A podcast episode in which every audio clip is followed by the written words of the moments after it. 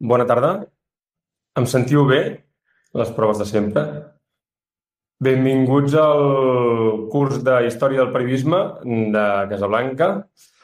Si heu entrat en el Crowdcast haureu vist que hi ha una fotografia, una pintura del Bandic de Carles I, que va ser rei d'Anglaterra fins a mitjans del segle XVII. Va ser executat al gener eh, de 1649 la pintura em sembla que és de 1630, 1635. Van dir que era un pintor holandès. He triat aquesta pintura perquè representa molt bé el final d'un procés que és el que intentaré explicar en aquesta primera sessió del curs, tot i que potser en demanarà dues, ja ho veurem. Representa el final d'un procés durant el qual, diguem, el, el periodisme o la, o la lletra impresa es consolida com una forma de, nova de, de poder. Per començar, però, el que voldria és que us poséssiu, ara farem un salt enrere, al 1520. Al 1520 eh, tenim eh, un altre Carles, en aquest cas Carles V, l'emperador d'Altesburg, l'emperador de, de l'imperi aquell en què no es ponia el sol. Tenim el Carles V a Barcelona. M'interessa aquest període, 1520-1650, de 100 anys llargs.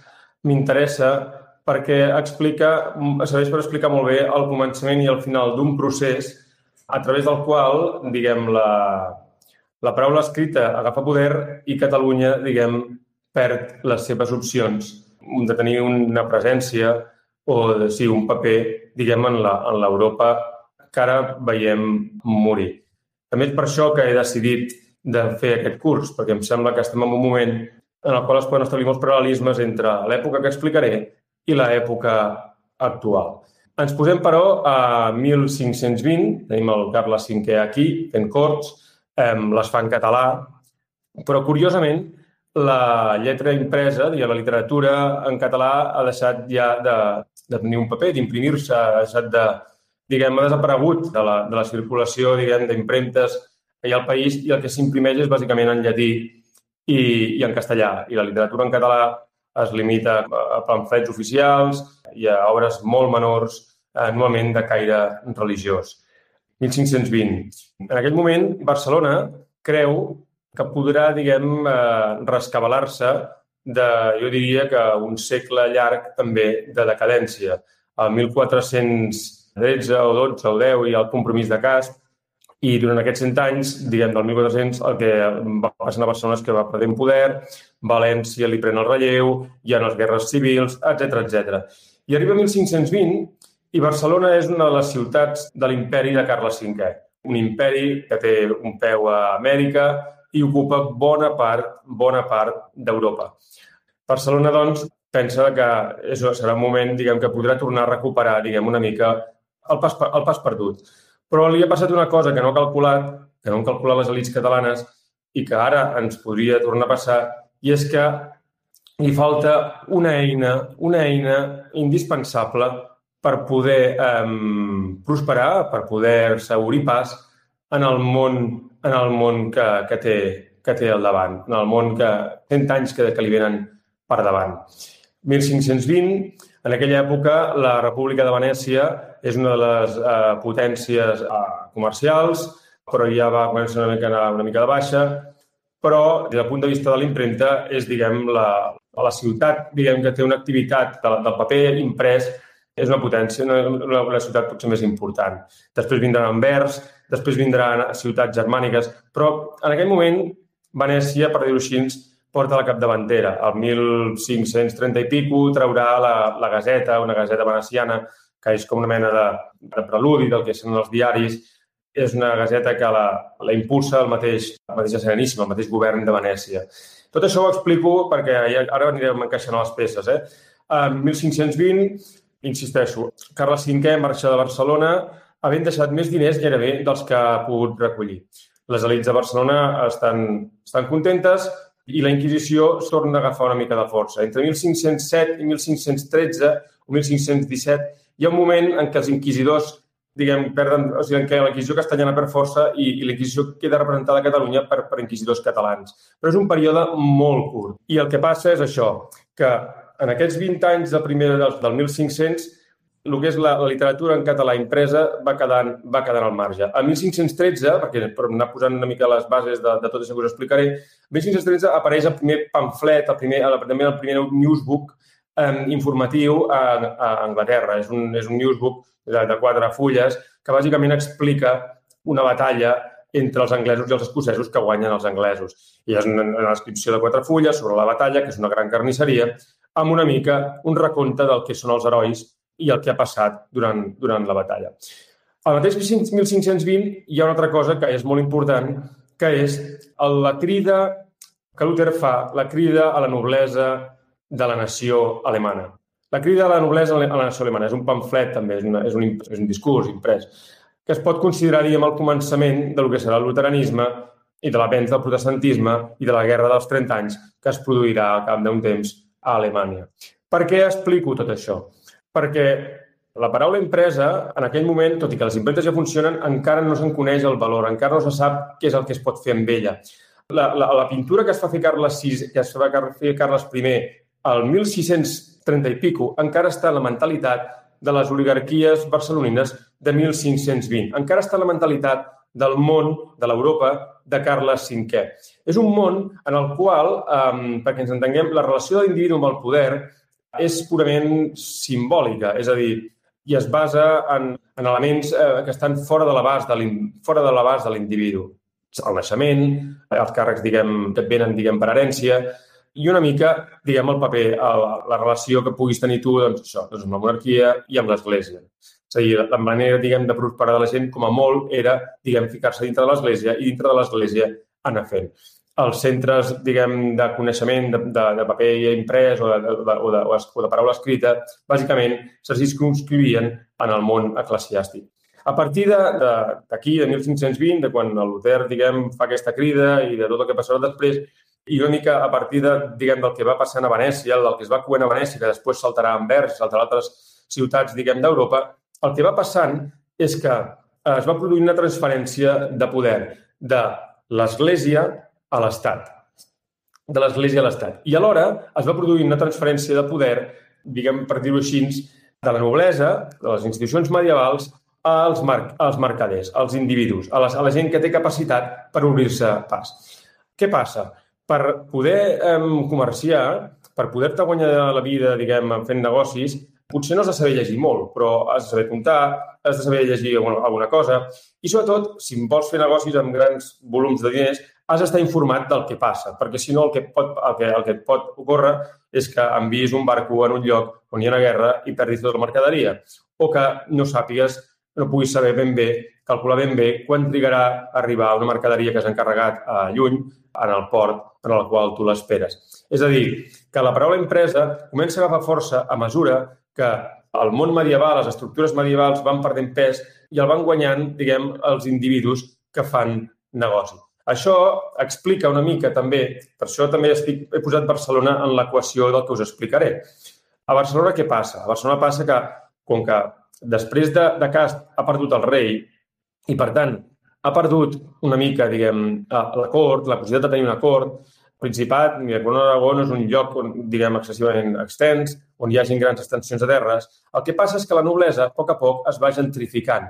Es gentrifica fins i tot més ràpid que a Anglaterra. És a dir, els nobles catalans el que fan és anar a Barcelona i començar a fer negocis. O obrir negocis petits en, en ciutats, diguem, de Catalunya mitjanes. Això és el que genera. Això genera una societat molt, bastant urbanitzada, bastant trebada i amb un nivell d'alfabetització bastant acceptable en comparació a Castella i en comparació a França. Evidentment, lluny dels nivells que hi ha a Venècia i dels nivells que es van també forjant, per exemple, a Holanda, que aviat la farem entrar, direm, també en l'equació. Aleshores, tenim aquesta situació. 1520, les oligarquies barcelonines es pensen que podran representar alguna cosa en el món de Carles V, que seran una ciutat important. Madrid en aquell moment són quatre esglésies, no, no, té, una, no té cap mena de, de força. Fins i tot les oligarquies catalanes aconsegueixen canviar, aconsegueixen canviar-li, diguem, els, els mestres, els tutors en el Felip II i posar-li un calvete, que és un calvet, evidentment, educat a Barcelona, que és humanista, és, és erasmista, etc etc. El que vull dir és que hi ha una perspectiva de que Barcelona podrà obrir-se pas en aquesta Europa que sembla que s'ha de consolidar i que, en canvi, està a punt d'enfonsar-se, que ha arribat al límit, que ha arribat, diguem, en el cim, diguem, de la seva hegemonia, que és aquesta Europa cristiana, aquesta Europa que no relaciona a través dels estats, no relaciona a través dels individus, no relaciona a través de la paraula escrita, sinó que relaciona a través dels rituals, a través de la fe, a través de l'Església i a través, diguem, de creences que porten ja molts segles i de símbols que porten ja molts segles, diguem, de, de progressió, molt de temps de, de, de progressió. Barcelona creu que podrà ser alguna cosa a dir. I el que passa és que, és que l'irrupció de, la, de la paraula impresa, l'irrupció del protestantisme, que és impossible d'explicar de, sense la paraula impresa, l'irrupció, diguem, del món mercantil, que no podria haver-se expandit sense la paraula impresa, la influència, diguem, de, del descobriment d'Amèrica, que no s'hauria pogut explotar tampoc sense la paraula, sense la paraula impresa, van posant pressió sobre aquest món fins a trencar-lo en molts bocins, fins a trencar-lo en molts bocins. Una mica, imagineu-vos que Carles V és com si fos Obama. Imagineu-vos que en el món de Carles, en què Carles V arriba a Barcelona i que comença a acabar-se, és un món en què la relació entre el centre i la perifèria s'ha tornat tan flexible que ja no es pot sostenir que ja no es pot sostenir. Les xarxes de comunicació s'han tornat tan, tan fluides eh, que, diguem, que, que comencen a generar caos comencen a generar localismes excessivament forts. La impremta, que, que, que ja porta una, un, un, cert, un cert recorregut, eh, ja comença diguem, a generar i a, fer, i a fer sentir els seus efectes. Ja dit, el 1513 a, a Anglaterra es publica el primer diguem, paper informatiu, que en 1530 eh, i pico en Venècia posa en marxa la Gazeta per poder combatre contra l'imperi otomà i que la Gazeta és això, és un, és un informe de relacions, diguem, de notícies, una mica perquè la gent, esti, perquè, perquè la gent de Venècia estigui ben informada. Tens una figura com Pablo Sarpi, Pablo Sarpi, que és la, potser la primera figura que es pot relacionar d'alguna manera amb la llibertat, amb la llibertat, diguem, d'expressió, tot i que ell hi està bastant en contra, però que ja veu i que a diferència de Maquiavel diu no, no, la, la, la força és important, la força militar és important, però la força de la paraula també és important. Diguem que, que estudia i que, i que para atenció al valor que la informació té dintre de la República Veneciana, allò que els venecians anomenen la comunicació, que genera tota una sèrie de professionals de la comunicació, a la importància de les paraules, com es filtren en la societat i com la societat les torna cap al poder, que és el primer que comença, diguem, una mica a, a veure totes aquestes coses. Tot això és del món, del món en què Carles V, en el qual Carles V governa i en el qual Carles V arriba a Barcelona i desperta totes aquestes perspectives a les oligarquies catalanes que se n'aniran ràpidament, no, però a poc a poc, a poc a poc, a fer, a fer punyetes. Tot això va, va avançant i cristal·litza, es pot dir que cristal·litza una mica amb la, amb la guerra dels, dels 30 anys. Però abans tens, a finals del segle, del segle XVI, quan ja estàs a punt d'entrar al XVII, què tens? Tens les revoltes holandeses. Les revoltes holandeses també són impensables sense aquest món de pamflets, no de diaris encara, però, diguem, d'informació escrita que comença, diguem, a proliferar. Holanda és un altre, és un altre, un altre lloc on, diguem, el, els mercaders tenen una, un pes molt important.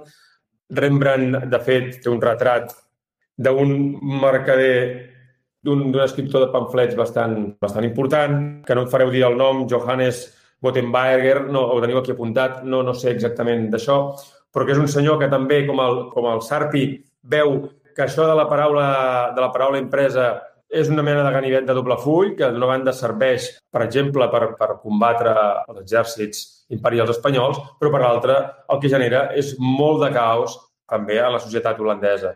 No? Llavors, els dos primers centres importants de, de lletra impresa i que comencen a veure el valor de les paraules i el valor que les paraules tenen en el que seria l'empoderament de l'individu són Venècia i després Anvers i Amsterdam. Aquí és on es comença a veure una cosa que ara també hem estat veient els últims anys amb el tema d'internet. És a dir, així com la, com la impremta genera una mena de, de, de cultura de la paraula impresa, i de cultura de la paraula impresa, es podria dir així, de cultura, diguem, de la lectura i de cultura de l'escriure, i fa que a poc a poc la gent, fins i tot els mercaders, la gent que s'ho pot permetre, ja no només comenci a voler llegir coses que passen al seu entorn per un motiu purament, diguem, professional, crematístic, de, de saber quan arriben les mercaderies, sinó que vol començar a saber què és el que passa al seu voltant i quines opinions tenen els altres, sinó que més comença a voler-les, a voler-les, diguem, expressar a voler-les expressar. Això és una bola que és molt petita però que es comença a fer gran i de la qual Barcelona i Catalunya en va quedant al marge perquè no té els mitjans. Per què? Pues perquè si el 1520, diguem, fa 40 anys que la Inquisició, diguem, ja funciona a Catalunya, l'únic moment que hi ha hagut una mica d'inquisició catalana ha passat, fa poc que ha passat, però ja ha passat i no tornarà, i les obres en català han deixat d'imprimir-se, les obres importants en català han deixat d'imprimir-se, ja només s'imprimeixen obres menors, normalment oficials o en religioses, vol dir que la llengua catalana i, per tant, els catalans han perdut el tren d'aquesta cultura que serà la que, la que vertebrarà l'Europa l'Europa, no només del proper segle, sinó només de, de, que, que arriba fins a Westfàlia, que es considera Westfàlia, sinó ja veurem com l'Europa que mor, que mor ara, és a dir, que s'acaba ara. Penseu, la cultura de la paraula impresa, la cultura del món digital. És a dir, podem fer un bloc que sigui així. Carles V, Barack Obama.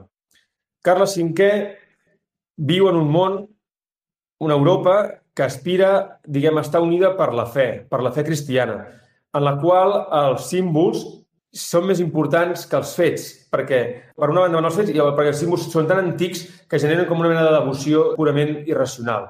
Penseu en, en Obama i en el món de la globalització. Una mica passa el mateix. És a dir, paraules han deixat de tenir significat. La relació entre, entre l'individu i el poder s'ha anat pervertint, però d'una manera que tampoc s'ha si, deixat a posar a prova i es donen moltes coses per descomptades. Hi ha una idea de llibertat que és falsa, però, que, però sota la qual la gent més o menys viu. L'eufòria que genera la, la cultura digital no es fonamenta en res més que en la pura eufòria i en una prospecció purament optimista de, del futur. Doncs això és una mica el mateix que passa, que passa a les elites de Barcelona el 1520 i una mica el, el que passa al començament, de, quan, quan la impremta comença a funcionar. És a dir, si Carles V no es podia imaginar que la paraula eh, impresa acabaria tallant-li el cap a Carles I. I Carles I, quan es fa retratar per Van Dyck el 1630 i pico, tampoc es pot imaginar que acabarà amb el cap tallat per culpa, no només per culpa de la paraula impresa, però en bona part per, per, gràcies a la paraula impresa, sense, ja, ja hi arribarem, però vull dir, sense els, els opinadors, sense els diaris. Penseu que un autor com John Milton demana i celebra que li tallin el cap a Carles I. És a dir, sense la, la polarització que genera la paraula impresa i que generen els pamflets i que generen els, els diaris, diguem, la revolució anglesa no s'hauria arribat a produir. I, per tant, diguem, no s'haurien produït els canvis que es produeixen a Anglaterra, que després influiran també tot el continent. Però és que tampoc no s'hauria pogut produir la Guerra dels 30 anys, ni s'haurien pogut produir algunes de les coses que ara anirem explicant. Per tant, aquest període és important pel que vertebra, és a dir, perquè és el naixement d'una Europa que ara um, comença a morir. I fixeu-vos-hi, segle XVII és, el segle, és un segle que no té, en, en el que l'activitat militar no té precedents, en què la, la mortalitat en les guerres no té precedents. Una mica com passa en en el segle XX. Ja sé que ha començat el 1520, eh? però, insisteixo, heu de veure com un procés molt lent, però en què les bases ja es van, pos ja es van posant lentament, però de manera imparable. Penseu, per exemple, amb el comte Duc d'Olivares o amb Richelieu. Tots dos són famosos perquè tenen una gran llibreria. Una llibreria a la qual només deixen accedir, només deixen accedir els seus, diguem, immediats col·laboradors. Us sona la societat de la informació? La societat de la informació, de la qual ara ja se'n parla poc, perquè ara es parla de les fake news, perquè, perquè tot això ja ens ha caigut al cap, ens ha caigut a sobre i ara estem en un moment de crisi. Però quan va començar això, què se'n parlava? L'època de la informació. És a dir, perquè semblava que era una cosa nova i era una cosa que ja havia passat. Senzillament, quan els canals d'informació, quan les vies d'informació canvien, quan els sistemes d'intercanvi d'informació canvien, també canvien les relacions de poder. I això és una mica el que passa entre el segle XVI i el segle XVII, aquests, aquests mena de 100 anys, 1520, 1648, però bueno, podríem posar-ho abans o, o després que la relació entre els individus, la manera de comunicar-se als individus canvia. Al canviar la, les relacions entre els individus, també canvia les relacions de poder. La retòrica, per exemple, la gramàtica, què passa? Quan tu fas un discurs oral, com es feia fins aleshores, fins a l'edat mitjana i, i fins, fins a 1500 i pico, el normal era que algú es posés en un lloc i fes un discurs, les paraules es poden anar repetint, però és com l'eco, es van perdent. Val? Però quan tu, impre... quan tu imprimeixes una cosa, eh, allò no només queda imprès, sinó que més allò fa que la gent que no ho pot entendre, però que sent que algú llegeix en veu alta en algun lloc de la ciutat, acabi trobant-hi un cert d'això per intentar aprendre... O sigui, ho, ho vol acabar entenent per ella mateixa. I aleshores això genera una mena d'efecte de bola de neu que fa que cada vegada hi ha més predicadors, cada vegada hi ha més lectors, cada vegada hi ha més pamflets impresos, cada vegada hi ha més opinions, cada vegada hi ha més polarització, cada vegada hi ha més enfrontaments, cada vegada el poder està més debilitat, cada vegada les reaccions del poder són més excessives cada vegada les reaccions de l'oposició són més, més violentes i genera una mena de bola de neu que s'acaba fent imparable. Llavors, és per això que he començat el 1520. 1520, Europa, no diria que és una bassa d'oli, però, insisteixo, tens Carles V governant la península, governant els Països Baixos, governant el, els estats germànics, tens França, que hi arriba un rei, això sí que és veritat, que veu la importància d'això i que és Francesc I, que comença a explotar la, la, la cultura com una eina, com una eina diguem, de, de poder. Tens la República Veneciana, que, tot i que ja està en un declivi militar, justament potser perquè està en un declivi militar, comença a recargolar, diguem, els sistemes d'informació i a recargolar el govern a través de la persuasió. Per què li diuen a Venècia la República Sereníssima? Li diuen Sereníssima perquè tot ho discuteix a través de la paraula en teoria. Tot i que és una societat molt vertical, és una societat que té un, una mena de parlament, d'allò on les, les elites discuteixen cada setmana els afers d'estat i tenen secretaris, hi ha, hi ha gent que s'especialitza en, la, en la transmissió de la informació. Val? Tot això, a poc a poc, va filtrant cap a baix. Va filtrant cap, cap a baix. Va filtrant cap a baix i va passant una cosa, que és que aquests símbols que venien d'antic, aquests símbols que, que monopolitzava l'Església, van perdent sentit a mesura que la gent eh, té capacitat per fer-se una opinió i per qüestionar, per qüestionar l'autoritat, per qüestionar la veritat, per qüestionar les idees que es donen per descomptades. I això què genera? Genera que cadascú es vagi fent una visió de... O sigui, que les visions del món es vagin fragmentant. I això com afecta Europa? Doncs afecta Europa que Europa deixa de, de veure's a ella mateixa com una mena d'unitat com una mena d'unitat regida o articulada pel cristianisme i a poc a poc passa a veure's com una mena de grassol, de calidoscopi, de, de mosaic de, de petits grups que a poc a poc es van esdevenir també que van esdevenir nacions. No és que abans no existís el nacionalisme, però diguem, es van articulant, els grups tribals que ja existeixen es van, es van articulant amb estats-nació.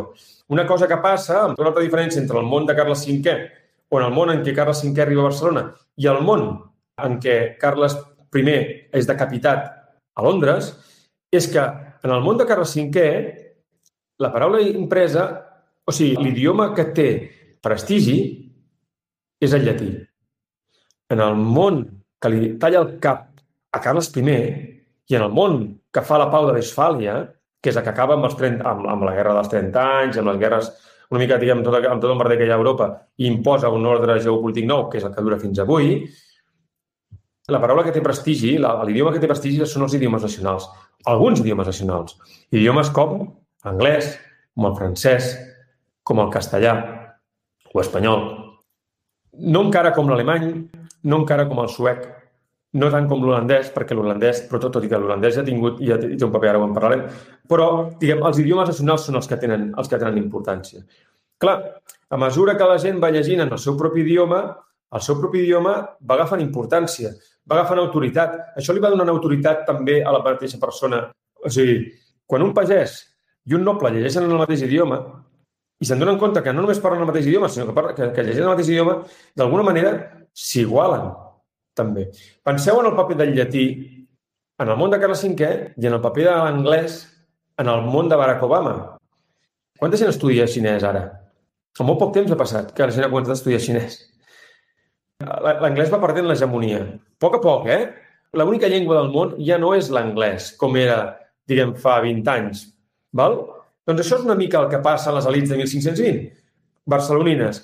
Elles creuen que el seu idioma, que el, que el català, en el fons és una cosa de més a més, és una arma decorativa. I el que, el que passa és que no és una arma decorativa.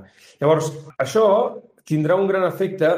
És a dir, i us explico tot això perquè, si no, després, quan arribem al final del segle XX i, i, o al segle XIX i veiem com el català ressuscita, com el periodisme català lidera el, el periodisme de la península, i quan parlem de les ciutats comercials com, com Anvers, com Amsterdam, com Venècia, com Londres, fins i tot com París, ens haurem de preguntar com és que Barcelona no es pot comparar en termes de, en termes de, diguem, de, de producció, de, de paraula impresa en aquestes ciutats. Doncs no es pot comparar amb, amb, amb aquestes dues per dos motius. Primer, perquè el seu idioma queda al marge de la paraula impre, de, de la cultura de la impremta.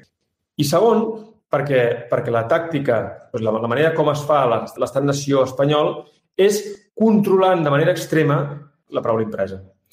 Llavors, això també genera tota una sèrie de diferències. Insisteixo, ens posem al segle XVI, final del segle XVI, Holanda revolta. Com es revolta Holanda contra Espanya? El primer que passa a Holanda quan es revolta contra, contra Espanya és que comencen a proliferar els pamflets. Comencen a proliferar, a proliferar els pasquins. Comencen a proliferar els fulls sols. Apareixen una cosa que se'n diuen els corans, hi ha un parell de Corans que estan bastant bé. Un que és un Coran, Coran d'Europa i un altre que és Coran de les notícies d'Alemanya i d'Itàlia. Teniu algunes imatges, us he posat unes imatges en el Patreon, les podeu, podeu veure, alguna fulla com era. No té més història que aquestes. Eren, Corans eren, eren una mena de, de protodiaris que sortien una vegada a la setmana, dues vegades a la setmana, però clar, que comencen a aparèixer, aquests diaris comencen a aparèixer, com que comencen a aparèixer en diverses ciutats, en diverses províncies d'Holanda, la gent rica gairebé pot llegir cada dia notícies perquè un surt el dimarts, l'altre surt el dijous, l'altre surt el diumenge. I aleshores, vulgues que no, genera tota una cultura de la, de la lletra impresa. Que és una cultura, finals del, del, del 16, que en certa manera supera la de Venècia en capacitat, diguem, en capacitat, diguem, subversiva. La Gazeta de Venècia és una gazeta promoguda per l'estat venecià. Perquè l'estat venecià, com he dit abans, a mesura que perd el poder militar, o perquè tampoc no n'ha tingut mai, mai gaire, el que fa és sofisticar la persuasió i, per tant, sofisticar la circulació d'informació. Aquesta circulació d'informació, eh, diguem, es produeix per diversos canals. Es produeix per, per la via oral, a través de rumors, es produeix per la via escrita, de manuscrita, a través d'informes, de, de, de relacions, Fixeu-vos que Pla, un dels llibres que té es diu Relacions, doncs les relacions, que són escrits, diguem, pseudosecrets, diguem, que, que són només, diguem, de circulació restringida, i a través d'això, de, de, de pamflets, de pasquins, i d'aquesta gaseta, que el que intenta, diguem, és donar una versió oficial de lo que és l'estat venecià, que és el 1530 i pico. Penseu que la, la següent gaseta que sortirà, que és la de Teofrasta Renaudot, és a París un segle més tard, el 1630 i pico. Triga un segle. No, les dates no, no, dic, no són exactes, eh, però perquè us feu una idea. I que és una mica, està feta des de la mateixa, des de la mateixa filosofia, que és una filosofia de dir l'Estat ha de monopolitzar la informació. Bé, a Holanda, com que no hi ha un estat central, com que no hi ha una autoritat central forta, com que són les províncies unides, i de fet, eh, això quedarà a la Constitució durant molt de temps, em sembla que fins passat la pau de Westfàlia, que diem, no hi ha una Constitució que digui que les províncies unides han d'estar unides. Vull dir que estan unides perquè els donen la gana, una mica com el que passa amb Amèrica al començament, diguem que són els diversos estats que estan junts perquè els donen la gana, no perquè ho digui, no perquè ho digui en lloc que han d'estar junts, i per això també acabem amb la Guerra Civil. Com que hi ha aquesta fragmentació del poder, a la proliferació de pasquins el que fa és que desafiar l'autoritat es torna molt més fàcil que la República Veneciana. Perquè els autors poden anar saltant de província en província. Per tant, aquesta mena d'utilització de, de la paraula impresa que neix a Venècia, que Venècia es comença a utilitzar de manera, diguem, important, com un substitut també fins i tot de la, de la, força, de la força bruta, a Holanda es converteix en una arma dels holandesos contra els espanyols en una eina imprescindible per fer la independència.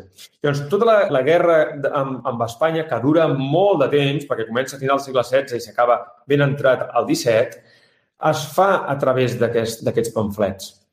Durant molt de temps, aquests pamflets i aquests, aquests corans que donen informació sobre el que passa a Itàlia, sobre el que passa a Alemanya i sobre el que passa a Espanya i que són un dels que uns els que generen, els que posen la llavor del que serà la, llegenda, la famosa llegenda negra d'Espanya, aquests Corans es llegeixen a Anglaterra. Al començament, els anglesos tenen una actitud, els governants anglesos tenen una actitud davant de la paraula escrita molt semblant a la que tenen els espanyols o la que tenen els, els venecians en la, en la seva... En la, és a dir, que és de control. Els venecians diferent, eh? perquè és més petit, és més controlable i tot és molt més de cos a cos. Però tenen una, una actitud, diguem, de prudència i de censura i de restringir la llibertat d'informació, evidentment.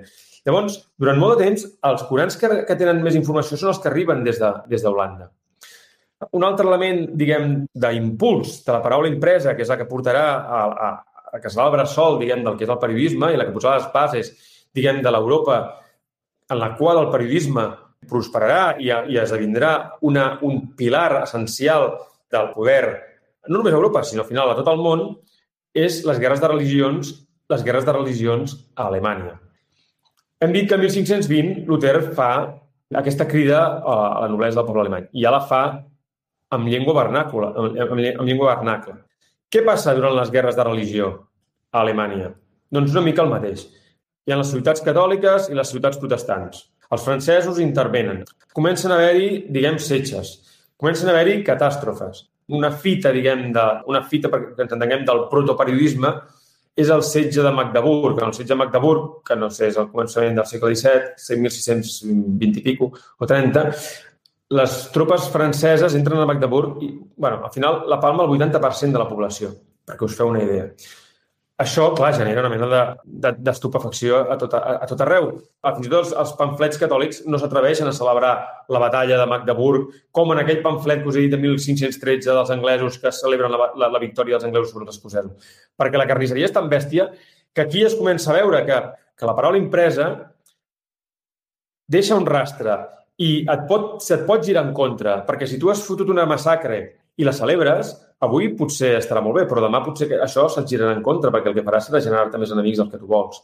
És a dir, es comencen a produir aquesta mena de, de, de, de situacions. Algunes ciutats, com Frankfurt, per exemple, es converteixen en autèntics hubs o hubs, o diguem-li com vulgueu, en centres, diguem, d'informació, que diguem que les gasset, allà es generen gasetes que després es reparteixen en altres llocs. Per exemple, a, a la Guerra de, dels 30 anys, un dels, dels protagonistes principals és a, el rei el suec, es diu Alfons Habsburg o alguna així, Suècia, i té una intervenció, i fa una intervenció, diguem, eh, diguem molt important, defensant el bàndol protestant.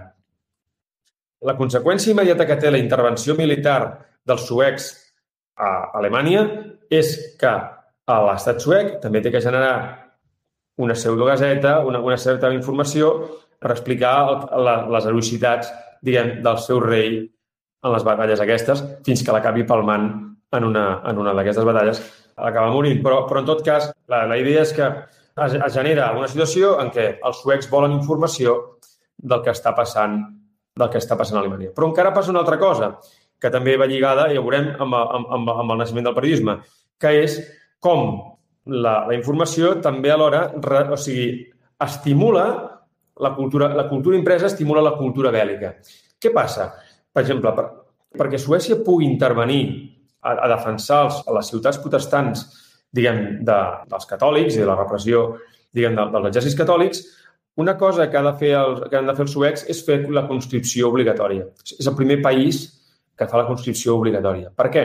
Pues perquè a Estocolm, no sé si eren 5.000, 6.000 persones. Vull dir, els suecs total devien ser un milió de persones en total. Eren quatre gats. Quatre gats, diguem, en comparació a altres països. Llavors, què han de fer? Han de fer la subscripció Per poder, diguem, obligar la gent a anar a una guerra que a més no està en el seu país, recordeu que el príncep Nam, que a Catalunya impedia que els catalans se'n anessin a fora a, a combatre, el mínim que pots fer, diguem, o el que has de fer és anar dir-los. El que has de fer és donar-los motius per anar a lluitar. El que has de fer és dir-los que la seva lluita no és en va. Aleshores, això genera, per tant, la necessitat de que tu creïs uns canals d'informació i una propaganda interna per tal de, de justificar les guerres que tu estàs fent. I això genera també tot una, tot una, o sigui, genera, d'una banda, una cultura militar, que la cultura militar s'alimenti i, per tant, que les nacions hagin d'invertir en exèrcits i en defensa i en, i en armes, i de l'altra fa que es desenvolupi tota una cultura de la informació que, que té que anar afrontant problemes nous. Per exemple, quan en la batalla, que no recordo quina és, el rei aquest suec, César és que no recordo bé, es mor, tu veus la, la, el, el, el primer que es publica és una, tira, és, un, és una mena de, de, de newsbook, de, de, de Coran, de, de, de diari de sis pàgines, en què primer es diu que s'ha mort, després es diu que està ferit, després es diu que no se sap, o que s'està curant, i després es diu que ha, que, que ha agafat amb les seves tropes i, i s'està enfrontant amb un, altre, amb un altre exèrcit. I això es diu dintre, del, dintre de la mateixa publicació. És a dir, tu vas llegint i vas veient com evoluciona la informació. És a dir, que el que ara ens sembla molt obvi, que és com es fa una notícia, què és la veritat i què és la mentida, com es fa un text coherent, eh, com s'explica una història, tot això tot això s'entrena durant tot aquest, tot aquest període tan llarg de temps. No és una cosa que surti de manera, de manera fluida i immediata. Per això és important aquesta comparació entre Carles V i, i Carles I. Quan Carles I es fa retratar, no en té ni idea, si no li passa ni pel cap, diguem, que li poden arribar a tallar el cap. Que es pot crear una situació d'opinió pública que li pugui arribar a tallar el cap. De fet, una cosa que passa quan li tallen el cap eh, és que el govern anglès que s'instaura es troba que la propaganda que ha fet servir per tallar-hi el cap no li serveix per governar. I es troba amb un problema i es troba amb un, perquè, i això genera tota una sèrie de discussions, es troba amb un problema que ja el té la República de Venècia, eh, això, al 1500, eh, al començament de 1500, en què, a mesura que va perdent les batalles, comencen a sortir opinadors que diuen, que fan, fan ressò de Maquiavel i diuen, escolta, com deia Maquiavel, el que compta no són les paraules, són les armes. I aquesta discussió, què compten més les paraules o les armes, que és una discussió que ja està a començament del segle XVI i que, segons Maquiavel, el que compta són les armes, segons, en canvi, a l'anacià aquest que, que, us he dit, que us he dit abans, el Paulo Sarpi, i és diferent, ja diu, no, no, la, la, diu aquí, la guerra de paraules, és el que instaura la idea de guerra de paraules. Les paraules, diguem, poden servir d'arma. El que passa que, clar, Diu, justament per això, diu, s'han de limitar. La República de Venècia ha de mirar de quina manera la gestiona i no es pot permetre, diguem, la llibertat absoluta amb, amb, la, amb la impressió, perquè si no això el que farà serà generar una polarització en les opinions que acabarà derrocant el mateix govern venecià. Doncs aquesta discussió que tenen al segle XVI se la troben de cara, per sorpresa, al govern, al govern que li talla el cap a Carles I. Cada sobte et trobes pamfletistes dient no, no, l'única cosa que compta és la, és la força. I aleshores, tots els discursos que s'han fet sobre la llibertat de premsa, tots els discursos que s'han fet sobre la llibertat d'opinió, tots els discursos que s'han fet contra la tirania de Carles V de, i de Carles I, de cop, en molts aspectes, a, tots aquests discursos no, no, no els serveixen absolutament per res. Llavors, el periodisme, el que serà, diguem, el, el periodisme també es fa i no pot néixer fins que tots aquests dubtes no estan una mica resolts.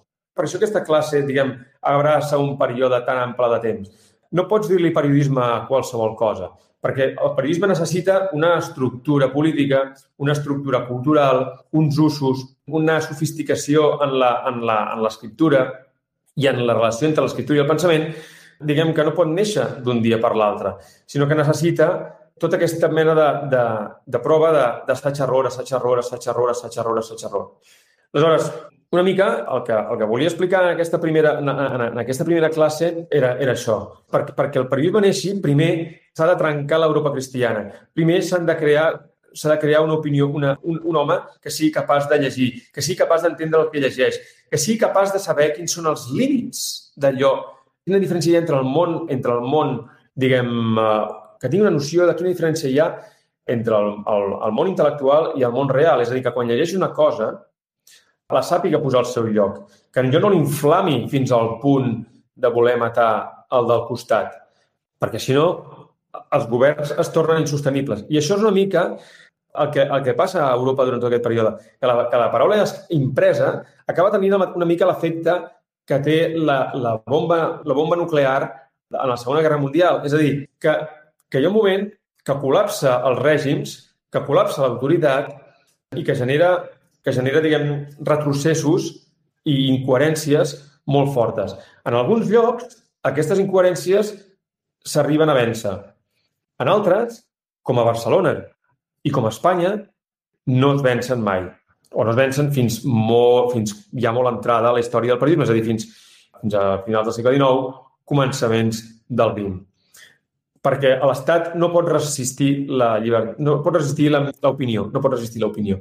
Per tant, necessita, diguem, mantenir una relació medieval o una relació, diguem, sí, medieval amb els, amb els seus súbdits. Per això l'antic règim triga també tant a caure a Espanya. En canvi, en altres llocs això es modula millor. Holanda, Holanda és el cas, diguem, més avançat dintre Europa. A Holanda no existiria sense, uh, sense, sense aquest, aquest pòsit, diguem, de, de paraula impresa. Uh, hi ha un moment, que eh, vaig penjar-ho al Twitter, però que és una llegenda que té una certa gràcia i que serveix per veure si us estic dient de l'assaig error i de com és un aprenentatge lent, però que, però que és important. Hi ha un moment que, que reuneixen els, que amb aquesta febre, diguem, de la paraula impresa, reuneixen la, un, una sèrie de nobles i diuen hem de recuperar les constitucions antigues que estan a no sé quin pop, a no sé quina ciutat, eh, tancades en no sé quin castell eh, en mans dels espanyols. Hem de recuperar els papers aquests que parlen de les nostres velles constitucions, les nostres velles lleis, diguem, doncs, eh, no, per, per, per tenir-los, perquè, perquè estem lluitant per això. Estem, fent la independència doncs, per, aquestes, per, per, per aquests vells privilegis i tot això. Total, que quan, quan, quan aconsegueixen irrompre en el castell on hi ha aquells paperots, resulta que no hi ha els paperots, o els paperots no diuen exactament el que ells es pensaven, i tot al final resulta que era una mica una llegenda. Què vull dir amb això? Doncs que equilibrar aquests dos mons eh, entre, entre l'element llegendari de la paraula escrita i l'element, diguem, informatiu de la paraula escrita, això demana un temps, diguem, d'anar-se coent. Una de les discussions que hi ha a Holanda és aquesta, contínuament hi ha aquestes discussions de dir, ostres, ens estem passant de la ratlla. Per exemple, una cosa que es veu molt bé a Holanda és que els pamflets crítics pugen amb la revolta contra Espanya. Primer pugen. Però després, quan les Províncies Unides aconsegueixen la independència, tu diràs, ara haurien de baixar. En comptes de baixar, continuen pujant. I per què continuen pujant? Doncs per això que dic, perquè no estan unides i els hi permeten, permeten moure's eh, d'això. A París, en canvi, passa una altra cosa. A París hi ha, hi ha el que se'n diu les guerres, les guerres de religions. Hi ha el que és la revolta de la fronda. La revolta de la fronda és una mica paral·lela a la revolta dels segadors aquí, més o menys. Tampoc importa molt eh, exactament la, la, la data. El que importa és que a París, per exemple, hi ha un moment, cap a 1640, que el, que el rei ha de tancar la, la ciutat i, i fer-li setge, perquè en aquell moment és la Maria de Mèdicis, que és la, que és la mare de, de, de Lluís XIII. Ha de tancar les portes, l'ha de sotmetre a setge perquè la ciutat s'ha revoltat contra, contra el rei. Bé, durant aquest període, d'una banda, els parisencs es moren de gana, però de l'altra, el que neix és el que s'anomenen els vaudevilles. Els vaudevilles és va de la vila, és a dir, va de les coses que passen a la vila. El que genera és tot, una, tot, un, tot un circuit d'informació que genera, que fa pamflets, gent que posa en, en, en llocs estratègics de la ciutat i em fa discursos moltes vegades llegits, que és el que fa que genera que molta gent, que la gent tingui ganes de, de saber què és el, d'aprendre a llegir pel seu compte. Però tot això, com que els de la fronda perden, com que l'oposició a, la, a la monarquia a París perd, no qualla i no genera un periodisme com el que genera l'anglès o com el, o com l'holandès. No, no genera aquest, aquest, aquest periodisme, sinó que genera una cosa molt més semblant a el que és la República Veneciana. I per això, com que guanya el rei, el model de periodisme que, que genera és, és un model de periodisme molt vertical. I el primer diari, el que es considera el primer diari d'Europa, perquè és el més, que és regular i que ja té una certa qualitat, és la Gazeta de França, que té, que està editada per un senyor que es diu Teofrasta Renaudot, teniu la fotografia en el Patreon, um, que té un, el monopoli perquè li dona el rei, el rei de França. Això, aquest model, aquest model que és una mica com una ampliació del model venecià, però, diguem, portada ja amb la burocràcia i amb, i amb, els, amb les eines de l'estat-nació, diguem, amb tot el pes de les eines de l'estat-nació, és a dir, sense la Inquisició, és a dir, amb la, amb la Inquisició reconvertida amb, amb buròcrates freds i buròcrates purament racionals i amb, i amb una acadèmia artística al servei de l'Estat, etc etc. Això genera aquest periodisme que després s'anirà desenvolupant, que ja en parlarem, però que genera aquest periodisme, diguem, que és molt vertical i que és un periodisme, diguem, de la raó d'estat. En canvi, el model holandès i el model alemany, que no tampoc s'acaba de consolidar perquè són, són pamflets que, diguem, que es donen durant les guerres de religió, i, però, però que no acaben de, de, de consolidar-se en res concret, generen el que seria el periodisme anglès, que és un periodisme que, que és horitzontal i que és comercial i que, i que no basa, tot i que manté una certa lleialtat a la nació, té una lleialtat anterior als interessos, perquè es considera que l'interès de l'individu és, en el fons, l'interès de la nació. Hi ha un moment que un, un senyor que es diu Netham, que ja en parlarem, arriba a dir això, diu, diu, encara que jo sigui cínic, encara que jo hagi canviat de bàndol tres o quatre vegades, encara que jo hagi escrit a favor dels monàrquics i a favor dels republicans i després m'hagi hagi escrit, diguem, en un intermig, tot això que he escrit en realitat té un avís de veritat, perquè eren els meus interessos de cada moment. I els interessos tenen una raó moral, una raó moral, diguem, que no, està, que no és explícita, però que és suficient per justificar, per justificar un text. Llavors, el periodisme anglès naixerà d'això, naixerà de, de l'exemple holandès, passat, evidentment, pel caràcter i per les coses que passaran a la Gran Bretanya, de les quals ja parlarem. Però neix d'aquest exemple. En canvi, l'espanyol és una mala imitació del francès, que diguem que és molt vertical. Passa que França és un estat fort i, per tant, veurem com a poc a poc pot, com pot aguantar, diguem, l'opinió. Perquè tot al final, el que, tot això és una mica per anar explicant també que la paraula impresa eh, evoluciona fins al periodisme en la mesura que la paraula impresa pot explotar el conflicte. A mesura que la paraula impresa aprèn, aprèn a explotar el conflicte, aprèn a explotar el conflicte sense que el conflicte es torni deficitari, sense que el conflicte li caigui a sobre, sense que això, no? sense que acabis provocant una massacre a Magdeburg en què la palma del 80% de la població, o sense que acabis tallant-li el cap a un rei, o sense que en el cas de les Províncies Unides, acabis tenint, diguem, revoltes locals que et posin, que et facin més difícil el tracte amb els espanyols, a mesura que, que la paraula empresa apren, aprèn a manejar el conflicte, el periodisme es pot començar a, de, a desenvolupar. Però el periodisme neix d'això, neix de la polarització, neix del conflicte i neix de l'explotació del conflicte. Hi ha una frase de Pascal, al segle XVII, que és un pensador del segle XVII, i que resol una mica aquesta pregunta que es feia la República Veneciana al segle XVI i que es tornen a fer els revolucionaris anglesos al segle XVII, que diu, diu el món està governat pel poder, no pas per l'opinió. Però l'opinió explota el poder. Això què vol dir? Això vol dir que el poder ha de ser prou fort perquè l'opinió l'exploti, perquè l'opinió pugui explotar el poder. Si el poder no és prou fort perquè l'opinió l'exploti, el que passa és que el poder col·lapsa o l'opinió no es pot manifestar. Llavors, és per això que els dos models de periodisme que acabaran cristal·litzant i que sorgeixen a Europa són el, el, diguem, sorgeixen a París i a Londres especialment. I aquests són els dos grans models. I el tercer model que no neix, diguem, no és el tercer, però és el tercer en discòrdia, per això aquí Barcelona és la tercera ciutat en discòrdia, és la ciutat que queda fora de la història perquè no entén, no entén, les seves elites no entenen el valor de la paraula impresa, el valor de la paraula impresa amb l'idioma del país. Um, això em sembla que explica bastant millor, o acaba de matisar la idea aquesta que a vegades explica el Vilbeny, que a vegades pot semblar que és exagerada, de que tot és una gran conspiració. No és ben bé que sigui una gran conspiració. És a dir, és evident que l'estat espanyol limita la, la impressió de llibres en català perquè té un projecte nacional en què el castellà és l'idioma, l'idioma, diguem, articulador de l'Estat. És evident. Però també és evident que el 1500 i el 1600 això, és a dir, que si les, les elites barcelonines i catalanes haguessin, haguessin, haguessin entès el valor de la, de la llengua vernacle, eh, segurament les, les revoltes catalanes haurien tingut també una dimensió nacional encara més forta de la que van tenir. És a dir, durant el segle XVII, tu el que veus és que hi ha guerres de religió a Alemanya i a França, sobretot. Guerres polítiques, i de religió també, però que són essencialment polítiques, a Anglaterra. I a Catalunya i a, Barcelona, ai, perdó, i a Espanya el que hi ha són guerres nacionals. Hi ha la, la guerra dels, dels portuguesos i la guerra dels catalans. Cap de les dues no genera una gran proliferació de paraula impresa. Hi ha, hi ha molta retòrica sobre la idea aquesta de que la Guerra dels Segadors va, va generar molts pamflets. I és veritat, evidentment, que va generar pamflets. Només faltaria. Però res, ni de lluny, ni de lluny, comparat amb els pamflets que va, que, diguem, amb la proliferació d'escrits de, de, impresos que va generar la, la Guerra d'Independència holandesa.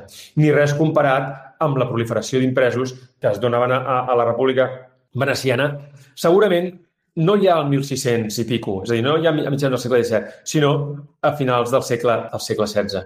I això és tan vàlid pel cas català com pel cas portuguès. Cosa que vol dir això, que el món peninsular es queda en aquest món de Carles V, en aquest món en què la religió té, molta, té tanta força que no deixen créixer, diguem, o sigui, que la cosa col·lectiva i simbòlica no deixa créixer els interessos personals i no deixa veure en les elites, diguem, locals, la importància que té, eh, sobretot en el cas de Barcelona, que és, una, que, que és un imperi comercial, importància que té la paraula la paraula impresa en la pròpia llengua, que és la que genera el periodisme, que és la que genera l'opinió pública, que és la que fa, i amb això ja acabaré, um, espero no haver-vos posat el cap un perquè ja sé que he agafat molt, molt, coses molt diferents, però si no, no s'entén després què és el periodisme, que és la que genera la consciència nacional. És a dir, quan Luther crida a la noblesa, crida a la noble nació alemana o alguna així, no sé com ho farà, però ho fa amb, Bernac, amb, amb, amb alemany i parla de la nació alemana, clar que la nació ja existeix, però la novetat és que ho imprimeix, que, que, ho, que ho fa en llengua alemana, que diguem que dona autoritat i, legitim, i, la, i legitimitat i prestigi a la llengua vernacle per sobre del llatí, que ho fa per enfrontar-se a Roma, que posa el, el germen del que després es camparà per tota Europa, que és que com que les elites, eh, com que la paraula impresa i les elites veuen la importància de la paraula impresa, acaben adoptant la llengua del poble per tal de poder-lo dominar i per tal de contenir els, de contenir l'element conflictiu que té el fet de, de diguem d'imprimir i de posar per escrit les idees, acaben, diguem, fent-ho amb, amb la llengua del poble per poder-ho contenir i això acaba generant, doncs, les diverses nacions, diguem, acaba generant la, la, els estats-nació europeus, acaba generant l'Europa política, l'Europa política, no l'Europa cristiana, sinó l'Europa política que, que coneixem avui i que avui s'està desfent. És a dir, fixeu-vos, a més, que tens l'Europa cristiana que evoluciona cap a una Europa política que cristal·litza en una Unió Europea que, en el fons, s'assembla molt a l'Europa cristiana en el sentit que, que les idees polítiques que l'han unificat han assolit ja un nivell de simbòlic que està més enllà de la realitat i que, per tant, i que, per tant, diguem, comencen a, a, allunyar-se de l'individu d'una manera tan poc sostenible pels negocis i per la vida que està començant a entrar en crisi. M'explico? És a dir, és a dir, Merkel no deixaria... És a dir, Obama, tot aquest món, la Unió Europea de l'anglès, la, la Unió Europea, diguem, de, de la unitat, diguem, dels valors aquests del dret de l'home i tot això, tot això és el que s'està esmiculant. Esmiculant a causa de la cultura digital, d'internet, de, de la globalització. Doncs això que està passant ara és el que passa entre 1520, o és igual, eh? 1513, si voleu posar el pamflet, aquest, aquest primer, mm, aquestes primeres relacions de la, aquesta batalla entre, Alema, entre Anglaterra i Escòcia, en el cas de Gran Bretanya, és igual, poseu la data que vulgueu. Però aquest moment, de, de començament del segle XVI, i la Pau de Westfàlia, que és el 1648. I pel mig, doncs, tot el, que va, tot el que va passant. Les diverses guerres de religions, Alemanya, a França, les crisis que té, que té, que té Venècia, les guerres que té Anglaterra, les guerres nacionals d'Espanya, etc etc. Val? Hi ha aviam, una pregunta.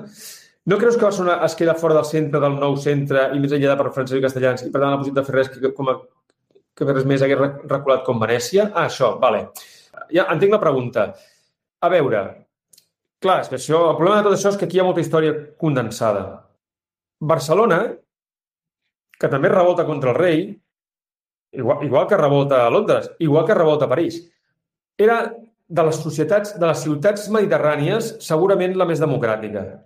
Si aneu a la, a la, a Melang, eh, que, que, està a la bibliografia, a la Melang explica, diguem, fa una, una mena d'equiparació una mica, que diu Venècia seria el, un estat feixista, Gènova seria un estat oligàrquic, Barcelona seria un estat democràtic. Bé, això és dir molt. Però sí que és veritat que és això que us he dit. Com que Barcelona es queda sense cort, sense imperi, perquè hi ha una transferència a un imperi més gran, que és l'imperi hispànic, a la noblesa o se'n va a Madrid o, si no, s'ha de tornar comerciant. I com que s'ha de tornar comerciant, de seguida, diguem, eh, s'alfabetitza. I com que el Principat és petit i té moltes ciutats, això genera una urbanització i una alfabetització molt ràpida. I la noblesa s'alfabetitza eh, molt ràpidament. Si Barcelona hagués sabut defensar els seus interessos amb la, a través de la paraula escrita, haguessin pogut passar dues coses. Una, que ens haguéssim apoderat de l'imperi hispànic, que és el que volien les elites de Barcelona el 1920. És el que pensaven que podrien fer. O l'altre que hagués passat és que senzillament ens haguessin arrasat i o ens haguessin arrasat del tot o ens n'haguessin sortit més tard pel record de, de les batalles perdudes en aquella època. És a dir, però és que hi arribarem.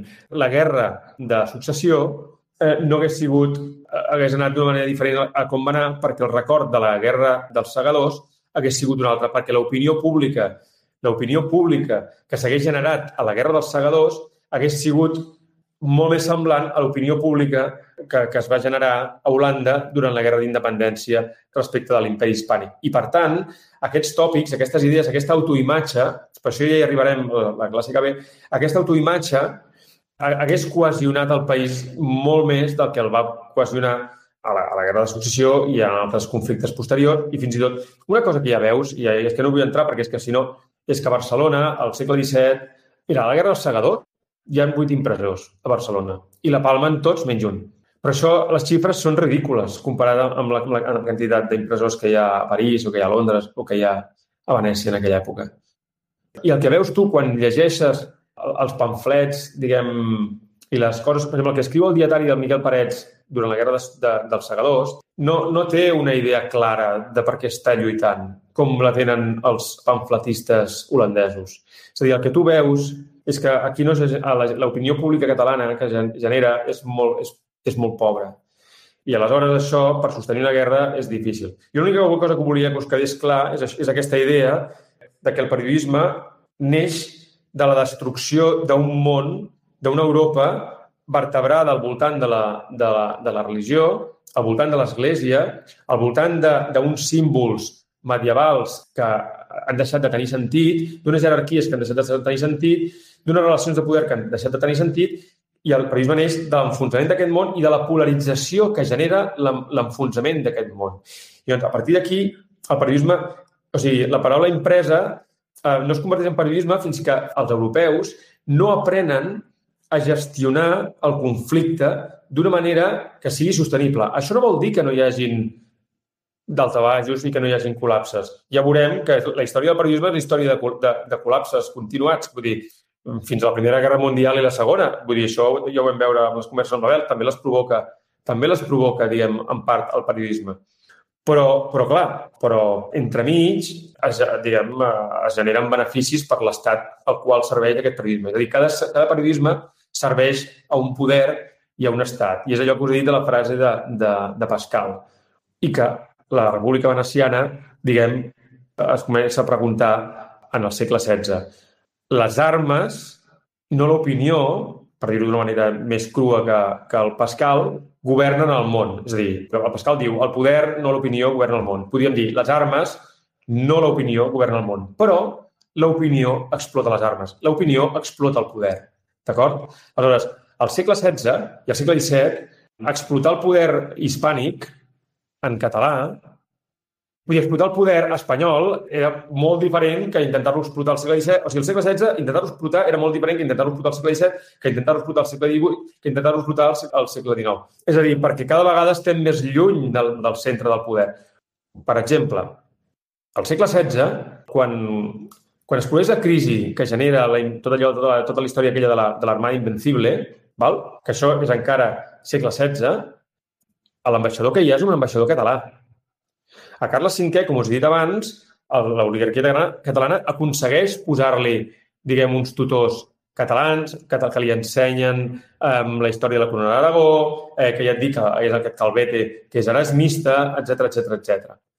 Les corts, diguem, de, de, Carles V, de Carles V són en català, però si tu mires, ja veus alguns noms com Pedro de Requesens. I aquest Pedro, de Requesens, aquest Pedro, ve d'això, ve de creure, no, no ve de, de fer-se espanyol, i de, ve de creure que la llengua és un element secundari. ve de no, de no veure el valor de la paraula, de no entendre el poder de la paraula impresa, o d'entendre'l més malament que els castellans, o de sotmetre d'entrada els castellans en aquest, en aquest sentit. Però que això vol dir que no hi havia ningú que ho veia amb prou força. Perquè quan tu veus una cosa amb prou força, o sigui, si un tio de 1620 hagués pogut imaginar-se una mica què és el que passaria o cap on anirien les coses, segurament, doncs, eh, hi ha d'haver gent, eh? És a dir, segurament... La, la... Perdó, pots repetir qui és aquest autor? Pots repetir qui és aquest autor que ens fa democràtics? Ah, l'Amelan, que, que diu que som molt democ de, demòcrates. Sí, sí, és l'Amelan. Jo tot això no ho escomatisaria. És a dir, clar que som una societat molt horitzontal. Hi ha aquesta horitzontalitat, però no hi ha aquesta consciència del valor, de la, jo crec, de la paraula impresa. Perquè si hi hagués hagut aquesta consciència, aquesta consciència hauria generat uns conflictes tan forts que s'haurien manifestat que s'haurien manifestat en forma d'una manera més, crec, eh? més clara. Hi havia el conflicte nacional, això sí, però no sé si hi havia la consciència de la força de la paraula impresa. Com jo sí que la veig a Holanda i la veig a, a Venècia. És a dir, aquí una mica el que hi ha és una certa por. També té que veure amb això, que com que el poder és, és fluix, no pot donar gaire marge a l'opinió. I segurament al segle XVI-XVII publicar, escriure en català ja és per si mateix una opinió. I com que ja és per si mateix una opinió que posa en dubte el sistema espanyol, ja no, ja no arriba ni, ni a poder-se produir. Però jo crec que hi ha aquest element que heu de tenir en compte i que l'he volgut lligar amb el naixement del periodisme perquè em sembla important per entendre com es fa Europa com es fa l'Europa que morim, que, que mor ara, com nosaltres hi quedem inserits i enterrats, per què nosaltres traiem el cap al final d'aquest procés quan les coses ja no volen dir res, diguem a l'època d'Obama, quan les coses ja no volen dir res i traiem el cap com l'havíem tret en el segle XVI, després del compromís de cas, diguem, momentàniament, pensant-nos que podríem recuperar l'espai perdut, i com ens hem enfonsat, o ens estem enfonsant ara, amb aquesta Europa o amb aquest món, de l'opinió impresa perquè ara ja no vivim en el món de l'opinió impresa, sinó que vivim en el món, en tot cas, jo no sabria com dir-ho, eh, de la cultura digital i potser seria, diguem, en un món, diguem, no sé, però jo no crec que se li pugui dir al món de l'opinió.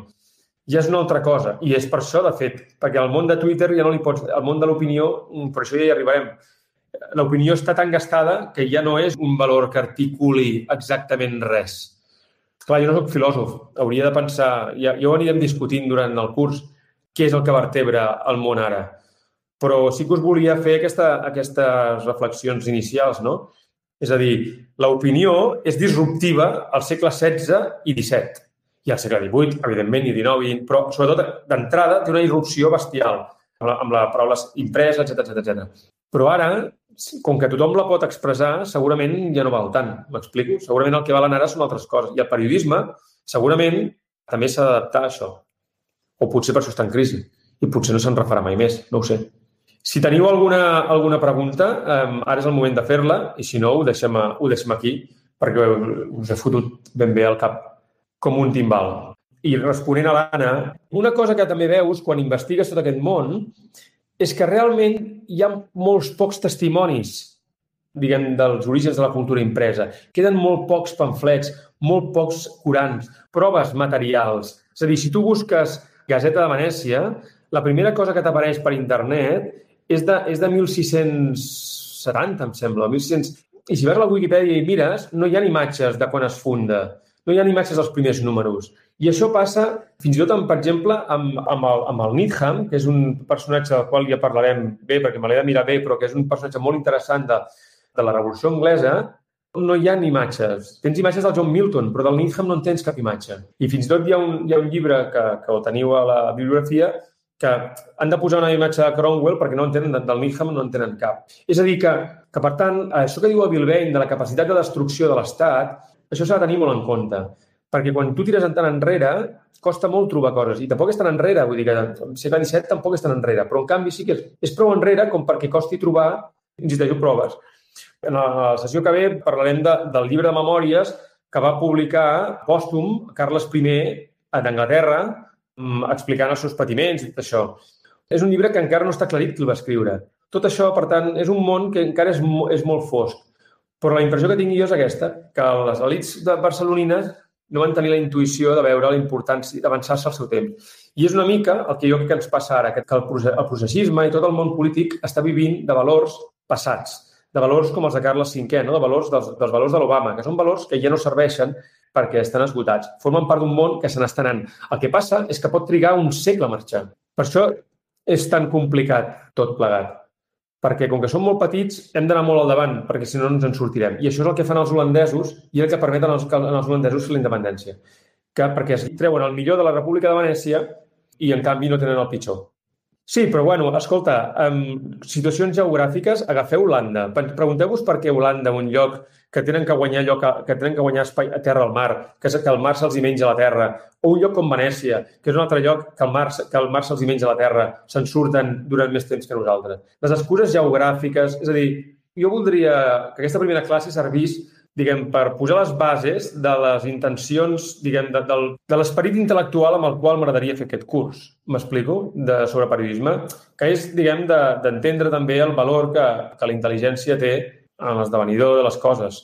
Vull dir, Holanda tampoc és un lloc que sigui gaire, gaire agradable de viure-hi. I Venècia mmm, eren unes marismes. Per tant, això tampoc és ben bé una raó. Jo insisteixo en aquesta idea de l'opinió i del conflicte. És a dir, de com la cultura impresa es fa sobre el conflicte, sobre com el periodisme és una eina per aprendre a gestionar el conflicte i aprendre a fer-lo rentable. I que a mesura que, aquest, que, que l'home aprèn a fer rentable el conflicte i la, la cultura impresa aprèn a fer rentable el conflicte, les nació, això ajuda a la, a la seva nació i ajuda a l'estat al qual pertany, en la forma que aquest estat sigui, és igual. En, en la forma política que aquest estat prengui, és igual. I que, I que això nosaltres no ho vam saber no ho vam saber administrar bé i que, per tant, diguem, una mica vam quedar fora. Perquè, a diferència de la República de Venècia, nosaltres teníem un imperi al darrere que l'imperi hispànic. I ho deixem aquí perquè se m'està acabant ja la, la connexió, perquè es veu que això va, va màxim, pots fer sessió no serà d'una hora i mitja o així, veig que m'està avisant que, que ja que ja n'hi ha prou. D'acord? Doncs eh, ho deixo aquí. Eh, moltes gràcies.